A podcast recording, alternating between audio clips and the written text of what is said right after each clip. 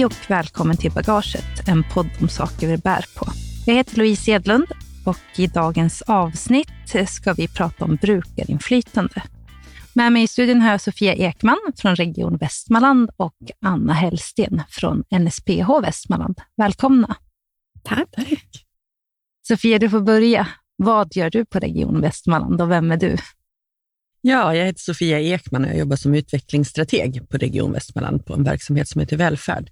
Eh, välfärdsuppdrag handlar mycket om eh, samverkan mellan kommun och regioner. Och I mitt uppdrag så jobbar jag mycket med eh, området psykisk ohälsa och stöd till personer med funktionsnedsättning.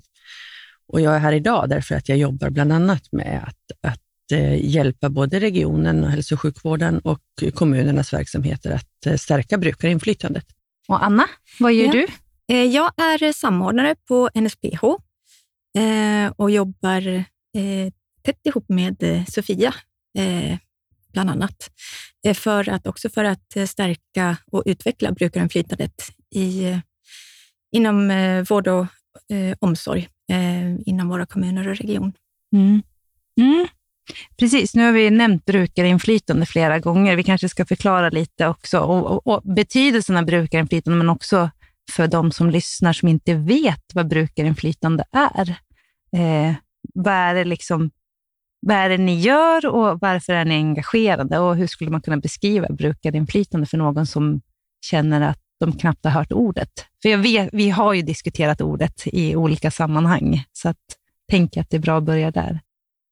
Jag skulle nog beskriva brukarinflytande som att man eh, ger den Eh, som tar emot vården och omsorgen, att man eh, frågar den och ger den möjlighet att påverka och säga sina önskemål eh, och sina behov eh, för att utveckla eh, vård och omsorg och den hjälp man tar emot till ett, eh, på bästa sätt, så att det blir bäst för den som ska ta emot vården. Och det är eh, ett, ett litet tomrum där, kan man säga, eh, i, i samhället eller i, bland vård och omsorg. Att eh, vi behöver stärka det så att det, den viktiga pusselbiten behöver komma in för att det ska bli så bra som möjligt för mm. alla. Mm. Vad säger du, Sofia? Håller du med Anna? Ja, absolut. Jag tycker att Anna beskriver en ganska komplex sak, ganska enkelt. Eh, det handlar ju om att de med egen erfarenhet helt enkelt ska få vara med och påverka vården och hjälpa till att utveckla den. Både vården och omsorgen, eh, utifrån de erfarenheter och den kunskap man själv besitter som egen erfaren. Jag tror att det är lätt att tänka på brukarinflytande eller patientinflytande, eller det finns ju väldigt många ord att använda som att det handlar om bara vårdmötet. Men, mm. men det man måste komma ihåg är ju att, att för att få till ett inflytande i själva mötet mellan till exempel läkare och patient eller socialsekreterare och brukare, så, så behöver man också ha brukarinflytande på andra nivåer, på ledningsnivåer och när man utvecklar verksamheter. Så att det, det, det är många olika saker. Det är ett komplext problem. Kan jag också mm. lägga till att eh, när vi pratar om brukarinflytande här så pratar vi om eh, området inom psykisk hälsa. Ja. Brukarinflytande är ju, alltså patientinflytande eller brukarinflytande är viktigt inom alla områden. Jo, Men precis. just inom den här gruppen så är det ju eh, otroligt viktigt att jobba mer med det, därför att det är en grupp som har en ganska svag röst och som inte blir lyssnade till på samma sätt som om man till exempel har en somatisk sjukdom. Ja, men bra beskrivet. Jag tänker ju eh, ett ord som används är att man ska arbeta evidensbaserat. Att, då, att det är både patienten, brukaren, forskningen och så professionen och att det mer och mer eh, kommer mot att man använder alla tre kunskapsinhämtningsområden, eller hur man ska säga, att man ska lyssna till alla tre bitarna. Eh, och vi har ju pratat lite om det, men varför är ni engagerade? Liksom, förutom att stärka rösten, finns det någonting mer som ni ser är en fördel med att vi lyfter in brukarinflytandet, att vi lyfter den? Jag tror att det är en, en förutsättning för att vi ska kunna vidareutveckla våra verksamheter, både inom mm. den kommunala omsorgen men också inom hälso och sjukvården. Eh, att bli bättre och, och effektivare och eh, på, ett, på ett bättre sätt stödja de personer som behöver hjälpen mm. och stödet. Mm. Jag tänker också att det är svårt att inte bli engagerad när man väl börjar jobba med den här frågan, för att eh, jag tänker att för gemene man så är det egentligen så självklart. Eh, att en så enkel sak med så mycket sunt som eh, egentligen alltså bygger på sunt förnuft och medmänsklighet har blivit så eh, problematiskt. Att mm. det inte finns som en naturlig del i, i verksamhetsutvecklingen. Eh, eh det är eh, frustrerande och det är svårt att inte bli engagerad för en sån självklar sak egentligen. Mm. För att det är så många som lider av det, som skulle kunna bli hjälpta av en så enkel åtgärd, så att säga. Mm. Dessutom vet man ju utifrån andra verksamheter och branscher att jag menar, du driver ju inte ett hotell utan att fråga hotellgästerna ja. vad de tycker om hotellet. Ja. Så är det ju. Ja. Sen kan man ju inte likna en hotellverksamhet med hälso och sjukvård riktigt, men, men det är ändå så att, att i jättemånga branscher och verksamheter så använder man ju eh, de som behöver stödet eller som behöver servicen man erbjuder för att utveckla verksamheten. Mm. Och Det är ju bara konstigt om man inte gör det inom hälso och sjukvård eller kommunal omsorg. Mm, bra liknelse där. Eh, hur ser ni att mottagandet av erfarenheten som brukaren bär har förändrats över tid? Har det liksom... Ja, vi är på ett ställe idag och det, det, ja, du jobbar ju väldigt nära och tar in eh, brukarinflytande i, i, i ditt arbete, men har ni någon kunskap av hur, hur det har sett ut och hur det har förändrats över tid?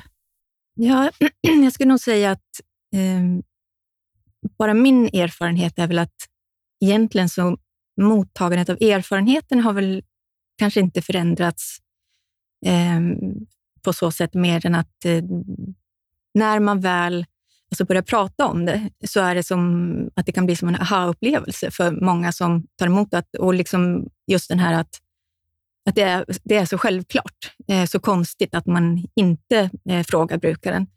Men om man ska gå tillbaka längre i tiden mot, alltså ner mot före 60-talet, ja 60-talet, så eh, var det som att man... Ja, men alltså den som led av psykisk ohälsa hade ju liksom inte så mycket talan och tilltro. Ehm, eh, eh, man kanske inte heller tyckte att det ens var rimligt att man skulle fråga någon som led av psykisk ohälsa, just för att man inte visste så mycket om psykisk ohälsa. Väldigt stigmatiserat också. Så där har det väl blivit eh, bättre. Det är ingenting som jag själv har erfarenhet av, men eh, när man ser tillbaka eh, och läser om det så är det ju från, eh, från 60-talet som det började att utvecklas och att det förhoppningsvis har blivit lite öppnare, att man kan tala mer mm. om det. Mm. Något du vill säga också, Sofia, tänker du att Ja, eh, jag, jag, tänker att, eh, men precis som Anna beskriver, så går det ju eh, väldigt mycket framåt. Ja. Men jag tänker också att, att det här har så mycket att göra med de fördomar och den stigmatisering som finns omkring mm. psykisk ohälsa, som vi samtidigt parallellt behöver liksom jobba med för att, att komma längre i brukarinflytandet. Där ja. man förstår att en, Eh, en person med psykisk ohälsa kan lika gärna vara en person som har halkat på en isfläck och brutit benet, men istället för ett benbrott så var det en depression. Mm.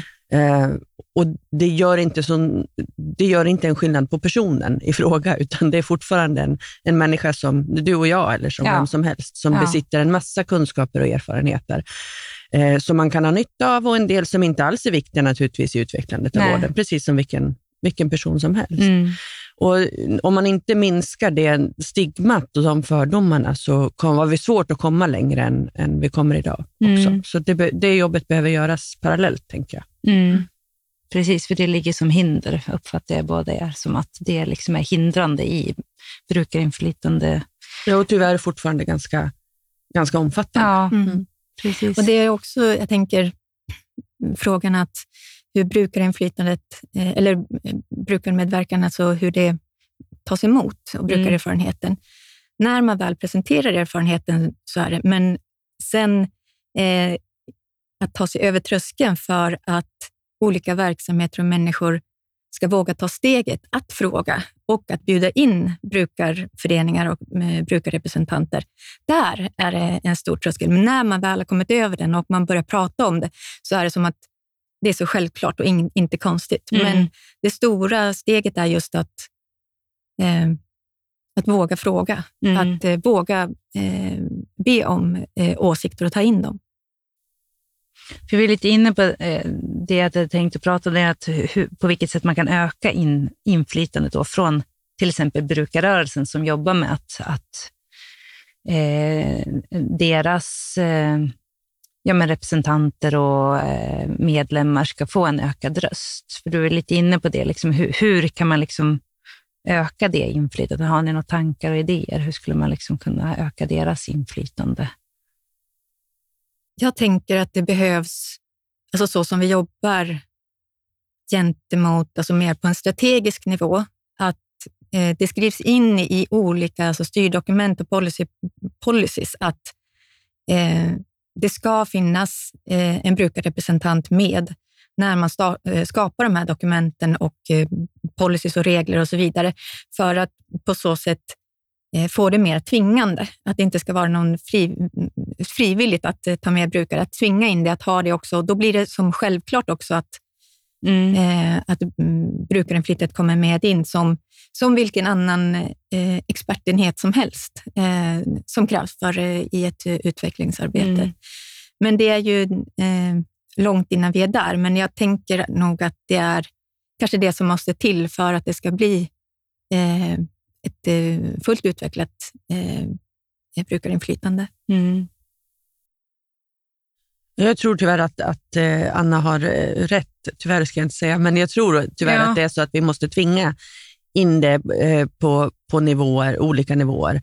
Eh, för att få till det. Mm. Sen tror jag att när vi har hamnat där och när man har fått den vanan, så tror jag att man på jättemånga ställen kommer att förstå vinsten av det. Mm. Eh, jag kan ju bara se min egen resa. Jag har ju jobbat med det här i, i knappt två år mm. och hur mycket som har förändrats i mitt sätt att tänka och, och känna och använda mig av eh, brukarinflytande. Mm. Där jag i många av de saker jag gör har ju Anna bland annat som en, som en samarbetspartner på vilket mm. sätt som, som vilken annan kollega som helst. Ja. Eh, både när vi har jobbat med att ta fram handlingsplaner för suicidprevention med en ny samverkansöverenskommelse, mm. så finns de med som en naturlig del. Mm. Eh, och det, eh, det går ju ganska fort att komma dit, men man måste ju öva lite på det. Mm. mm. Så att jag tror också att vi behöver eh, ha regler som styr det eh, till en början, för, mm. att, för att man ska få in den vanan. Mm.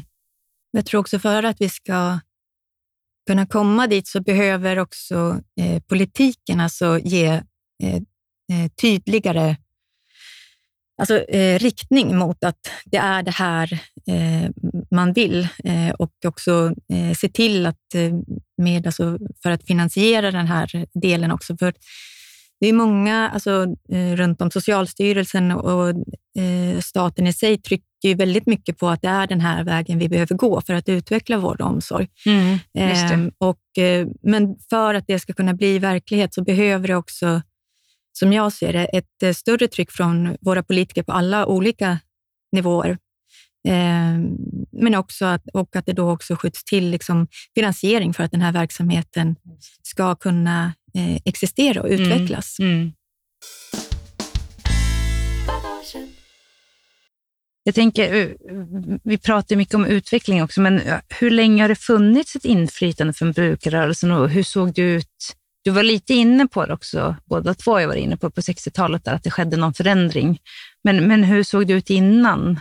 Eh, man inte gjorde kundundersökning, höll jag på att säga, när vi inte tog eh, brukarnas röst tillvara och deras kunskaper och erfarenheter. Jag tror att det började lite grann i mitten på 60-talet och eh, bland annat RSMH var en av de tidigare eh, föreningarna som startade. Mm. Eh, och då pratade man mest om alltså mentalsjukhusen och, och, och den vården som var där. Sen eh, vet jag att man hade inte så mycket inflytande överhuvudtaget, utan det var mest bara eh, informationsmöten över kaffe, men man hade inte så mycket inflytande. Inflytandet började väl eh, få en som störst kraft efter, det var ju flera allvarliga händelser, men jag tänker att det var mordet på Anna Lind som kanske var det som drog igång eh, det här på riktigt mm. med eh, Milton-utredningen eh, som startade eh, 2003 eller 2004 eh, där man gjorde, då regeringen bestämde att eh, vi skulle göra en genomlysning av socialtjänst och hur det ser ut med vårdköer och vård och så vidare för personer som lider av psykisk ohälsa. Och eh, den, eh, då började man ju se att, att, att vi behöver ju faktiskt fråga eh, brukarna för att kunna ta reda på hur det ser ut och varför det ser ut som det gör. Så det var det Anders Milton, eh, Anders Prins och även eh, Ann-Marie eh, Wieselgren som mm. Eh, bjöd in eh, ordföranden från olika brukarföreningar eh, för att vara med i den här genomlysningen. Ja. Och det var väl egentligen då som eh, brukarinflytandearbetet på riktigt eh, började komma igång. Ja. Men före det var det eh, ganska eh, eh tyst. Ja. ja. Vad tänker du? Jo, men jag, det tycker jag. Två år har du jobbat och är liksom är... Eh, ja, men Anna tar du hjälp av precis som vilken kollega som helst, nämnde du. Liksom. Hur, hur, tog du modet? Eller vad, vad var det som, som eh, fick dig att känna att det här är väldigt viktigt? Liksom, att du... Ja, jag, jag, känner ju lite som Anna, att det är ju lite svårt att inte bli engagerad i frågan när man väl har satt sig in i den. Ja. Eh, därför att man... Eh, jag lärde mig ju väldigt mycket omkring de här områdena. Jag kommer eh, från kommunal verksamhet där jag har jobbat i hela mitt liv och där jag kan känna att vi kanske eh, har mycket, mycket lättare att använda oss av andra organisationer eh, än just eh, organisationer som, som organiserar personer med psykisk ohälsa. Mm. Eh, funktionsrättsrörelsen och eh, pensionärsorganisationerna till ja. exempel brukar kunna ha ett visst inflytande i varje fall i olika råd i mm. kommunal verksamhet, mm. medan man inte alls har samma vana att, att vända sig till, generellt ska jag säga, det finns naturligtvis kommuner som är jätteduktiga på ja. det här också, men, men generellt har man inte samma vana att vända sig till organisationer som, som eh, vänder sig mot psykisk hälsa-området eller psykisk ohälsa-området. Eh, jag tänker att ju mer man lär sig om eh, problematiken, både omkring eh, hur vanligt det är, ja. hur många personer det är som är berörda mm. och på vilka, eh, vilka premisser de, de tar emot vård. Ja. De säger jag precis som eh, att det rör sig om en, en speciell grupp, men, men jag tror att eh, vi är många i samhället som inte har behövt eh, ta emot vård ifrån mm. psykiatrin till mm. exempel mm. och kan inte riktigt föreställa sig eh, hur det är. Nej. Eh, och där, då faller det på något sätt på sin egen orimlighet, att det är vi som ska sitta och utveckla den vården. När man inte har liksom en aning om vad det är man pratar om. Sen finns det naturligtvis folk som har professioner inom det här som vet väldigt, väldigt mycket och sitter med en mm. otrolig kompetens. Mm. Men att man ska klara det, att utveckla det till någonting riktigt bra utan att ta hjälp av dem som faktiskt behöver den hjälpen. Mm. Eh, det faller liksom på sin egen orimlighet. Det mm. kan inte bli riktigt bra förrän vi tar hjälp av alla som kan något i det här området. Eh, jag, jag, tror kanske inte det handlar så mycket om mod, men kanske lite om att jag själv inte, eh, för mig tror jag att det har varit enklare eftersom jag själv inte har någon stor kunskap inom området psykisk ohälsa. Det har liksom varit, jag har varit tvungen att ta hjälp från alla jag har kommit i närheten av som har något att, att lära mig. Mm. Eh, och då blir det ju eh, enkelt att, att fråga runt. Liksom. Eh, sitter man med en profession och har kanske år av utbildning, så kanske det steget är lite svårare, för man tycker att man borde besitta mycket kunskap själv, vilket man givetvis gör, mm. men inte all kunskap. Nej. Nej, men precis. Ödmjukhet, att man alltid kan lära sig något av någon annan, även om man har en, en väldigt stor kunskap mm. själv. Så det, ja, det är klokt. Eh, vi befinner oss i Västmanland och det är ju liksom här både NSPO i Västmanland verkar och du kommer ju från Region Västmanland. Hur arbetar vi i Västmanland med de här frågorna? Liksom? Hur, hur jobbar vi eh, här i länet? Ja, jag sitter ju inte inne med hela bilden över hur man jobbar överallt, givetvis. Eh, det, det, vi gör eh, tillsammans eh, bland annat, det är ju att vi tillsammans med representanter från eh, hälso och sjukvården och kommunerna Mm. eh, har en arbetsgrupp som handlar om att stärka brukarinflytande. Ja. Den grundas ju i den eh, överenskommelse mellan stat och SKR som handlar om insatser för psykisk hälsa, där, man, där brukarinflytande är ett av de prioriterade områdena. Mm. Men vi har ju bland annat nu, i år blir det ju tredje året i rad, haft seminarium som har handlat om brukarinflytande för att kunna sprida information och kunskap. Eh, Vi eh, har också haft en workshop där vi har riktat oss mer till verksamheter för att eh, lära ut metoder för att det finns ju massor med olika metoder man kan Ja. använda sig av för att, att få ett brukarinflytande att fungera i praktiken i en Mm. verksamhet. Liksom.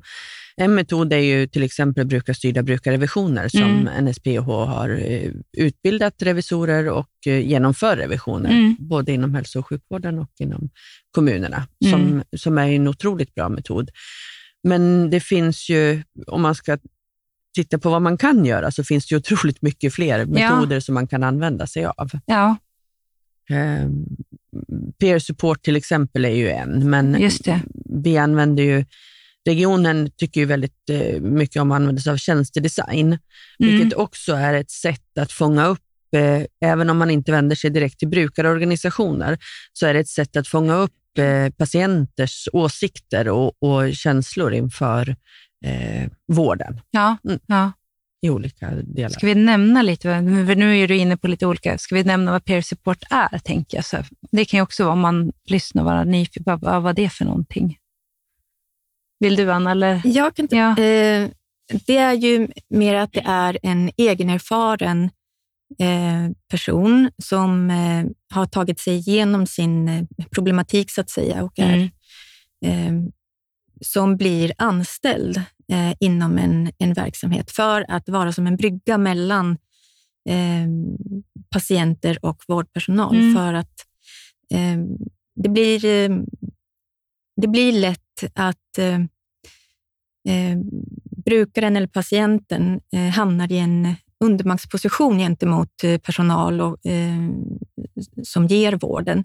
På så sätt att man kanske inte riktigt kan säga riktigt vad man, vad man önskar och vad man tycker.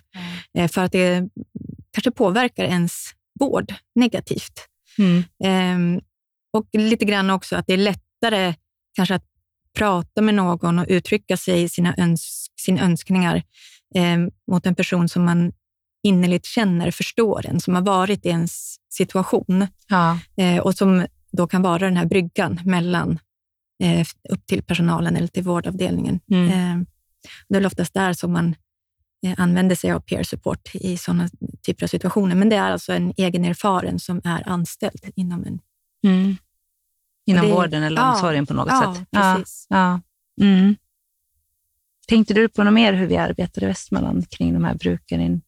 Du har redan sagt ganska mycket, Sofia. Jag tänkte om du hade någonting som du också ville nämna. Ja, alltså vi, har ju, vi jobbar ju med brukarrevisionerna som Sofia sa och sen eh, eh, är det ju mycket att vi jobbar med brukarinflytande på så sätt att vi är med i olika mötessammanhang, alltså på, framförallt på eh, strategisk eh, nivå, eh, där vi är med och för brukarens talan. Så att man i de här styrdokumenten också ser till att man ser utifrån brukarens perspektiv, att brukarens perspektiv kommer in i eh, bilden.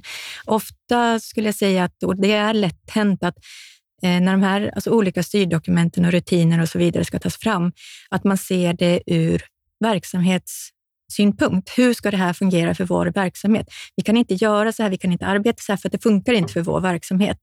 Och då glömmer man bort vem verksamheten faktiskt är till för Ja. egentligen, utan det blir väldigt verksamhetsstyrt. Eh, och det är sådana sammanhang som vi ofta sitter med eh, och eh, för brukarens talan också, att, Mm. att brukaren inte får glömmas bort i sammanhanget. Mm. Att man tappar bort syftet med alltihop. Mm. Jag tänkte så här, jag vet inte hur ni vet, men vet ni liksom eh, andra län, eller de som ligger nära oss, jobbar de på liknande sätt? Eller känner ni till hur de jobbar med brukarinflytande?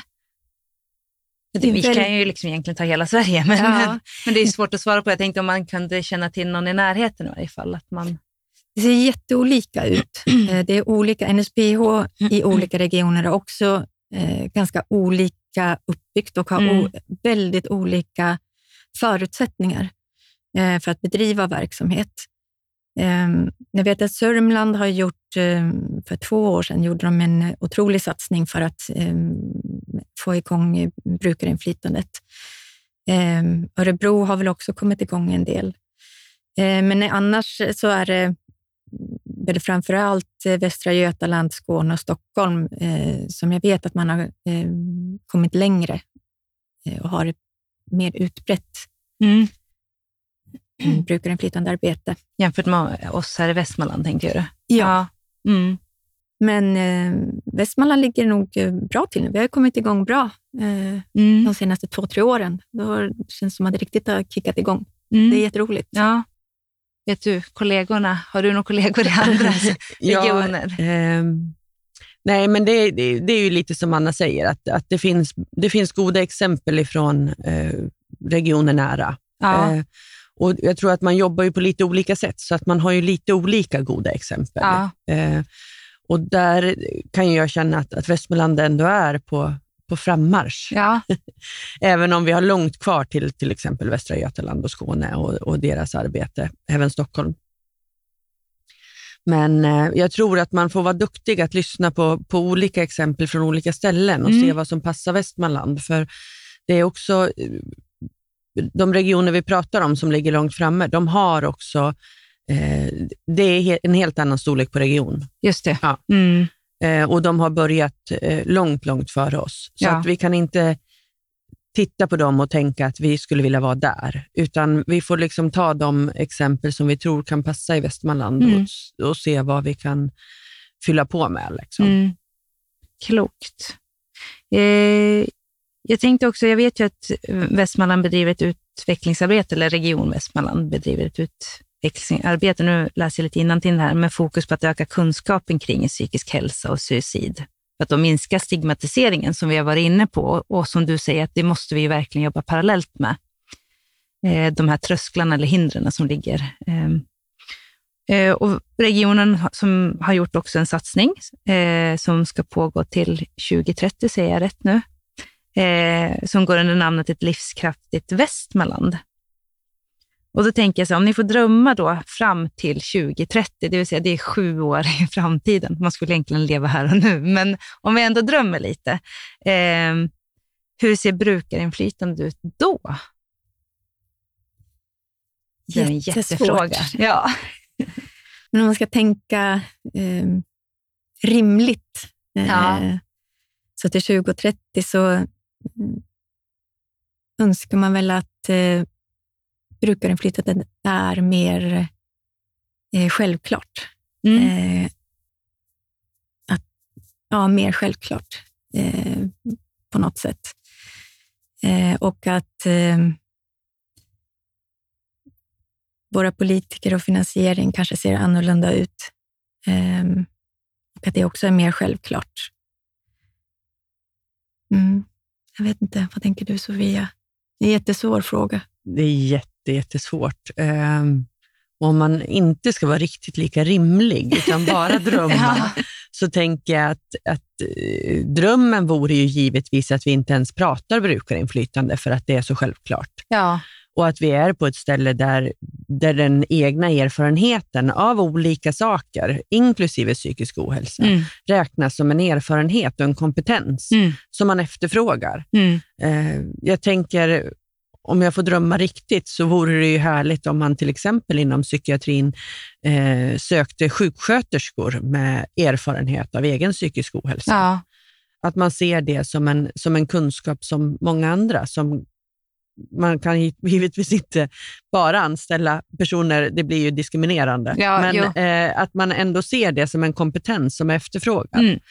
Eh, ja, det, om man får drömma så skulle vi vara i den världen. Mm. Jag tror kanske inte att det är rimligt inom sju år, Nej. för det handlar ju mer om, om, om samhällets syn och den stigmatisering vi pratar om, liksom, Ja. än, än om verksamheten. Mm. Ja, för då är vi inne på, på det jag tänkte på härnäst, liksom den frågan, attityderna i samhället kring psykisk hälsa och ohälsa. Då. som vi är inne på hela tiden, att det är ett hinder. Och hur ser de ut då 2030? Liksom? Vad har vi kommit när det gäller de attityderna? Man kan ju önska att, eh, att, det inte är konst, att det då inte ska vara konstigt eller pinsamt på något sätt att eh, prata om sin psykiska hälsa. Att det ska vara lika enkelt och självklart att prata om att man har psykisk ohälsa som man har någon annan typ av ohälsa. Mm. Eh, att man har varit förkyld eller man har varit långtidssjukskriven för att man har diskbrock eller samtidigt som på samma sätt ska man kunna prata om att jag har varit jättedeprimerad, hamnade i jättesvår depression Mm. eh, och var sjukskriven. Eh, det var jättejobbigt och det är Mm. inget konstigt med det. Nej. Och att det inte heller ska bli någon form av eh, negativ följdeffekt av det. Nej, precis. Eh, att man ska känna att man ska vara rädd att prata om det för att eh, människor kanske ser ner på en, eller att man ses som en svagare person på något Mm. sätt. Mm. Det ska inte, ja, att det inte ska vara konstigt att prata om det som vilken annan problematik som helst. Mm. Jag tycker att det är en, en intressant jämförelse om man till exempel jämför diskbråck och depression. Mm.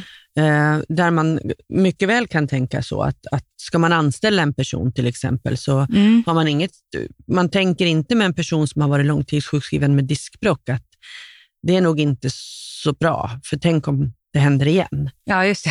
Utan, men däremot med, med en person med psykisk ohälsa så kan de tankarna absolut komma upp. Och Jag säger inte att jag är något undantag i det här. Jag får också jobba med det här. Mm. För jag är ju uppväxt i, i, i det här samhället och har, har haft samma tankar och Mm. fördomar. Så att, eh, såklart så jobbar jag också jättehårt med det här. Mm. Eh, men just att, att eh, man möter ganska ofta det här att ja, men jag förstår inte riktigt. Jag har aldrig haft en depression, så jag förstår inte Nej. riktigt. Nej.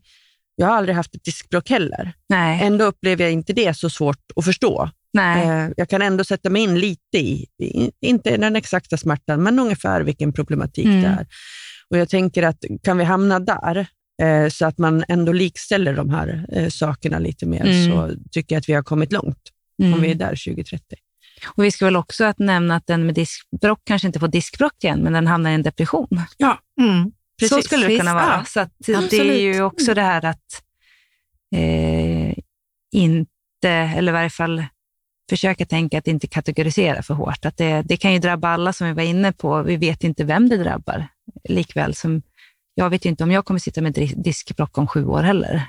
Så. Nej, precis. Och vi, Mm. det, finns, det finns behandlingar och det finns hjälp att få. Ja. Oavsett om, om du får en depression, en diskbråck, en bipolär diagnos, eller, Ja. så finns det stöd att få för Mm. att, att man ska kunna eh, klara sin vardag och, och till slut må bra och kunna leva ett gott liv och, och bidra till samhället på samma sätt som alla andra. Precis som om du bryter ett ben. Liksom. Mm. Det är inte så att om du bryter ett ben så säger man att nej men alltså, har du, har du ett brutet ben då, då vet jag inte om vi, om vi har samma nytta av dig i den här Nej. världen. Utan det gipsar man ju och sen ger man en rehabilitering och så Ja. får man träna upp det där benet och sen Mm. så eh, är man som vem som helst. Det är Mm. ingen som går och frågar efter 20 år, har du brutit benen någon gång? För att Ja. det är oviktigt. Liksom. Ja. Ehm, ja. Mm. Jag vet inte om det blir helt klockrena liknelser, men, men, Men det jag tror att vi lite. behöver lära oss att tänka lite mer i Mm. de banorna. Mm. Där gör ju NSBH eh, via vår hjärnkollverksamhet alltså ett, också ett, ett stort arbete, Mm. eh, både till civilsamhället men också till eh, professionen. Att eh, ambassadörer, alltså personer med egen erfarenhet, föreläser om sin egna historia och sin egen berättelse. Just för att minska stigmatiseringen Mm. eh, i samhället och eh, minska på fördomar och, Mm. eh, och så vidare. Mm. Så ja, det är också ett stort arbete som vi, som vi jobbar med. Mm, precis, och få ut allas erfarenheter Mm, så, och berättelser. Mm. Och där tror jag att det är viktigt också att vi, ehm, att vi lär oss eh, lyssna på varandra eh, oavsett erfarenhet, utifrån att vi är nyfikna på och vill veta. Inte för att vi respekterar någon annan eller för att vi vill vara snäll mot den eller Nej. för att den ska få komma till tals, utan för att vi vill veta. Mm. Eh, Jag vill veta hur det känns att vara deprimerad och jag Mm. vill veta och förstå vad jag kan hjälpa i vår verksamhet för Mm. att det ska vara lättare. Mm. För att det ska vara lättare att söka hjälp, för att det ska vara lättare att ta till sig hjälpen, för att man inte ska känna sig som en besvärlig person eller en Just dålig det. person när Ja. man kommer till vården, utan man ska känna att kom hit, eh, för vi kan hjälpa dig. Mm. Ja, och jag tänker också som ni säger med brukarinflytande, de kan ju säga att det här funkade för mig, men det här blev inte bra. Och om fler då berättar så kommer vi kunna sortera ut vad som kommer förmodligen funka.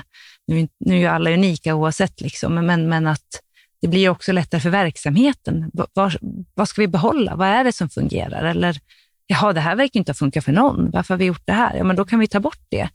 Jag tänker också tid och resurser. Eh, för, för vården är det också att spara in, tänker jag. Att man gör rätt sak kanske snabbare då.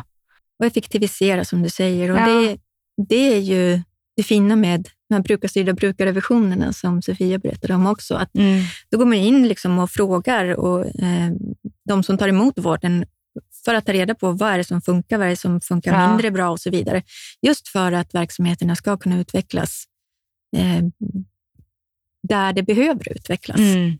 Eh, och fortsätta med det som funkar jättebra eh, och ändra det som funkar mindre bra. Mm. Ehm, Ja. Så det är också en alltså effektiv och bra eh, arbetsmetod alltså för brukarinflytandet, eller ett exempel på bra brukarinflytande. Mm. Vad finns kvar då 2030 av det vi gör nu och vad har kommit till, tror ni?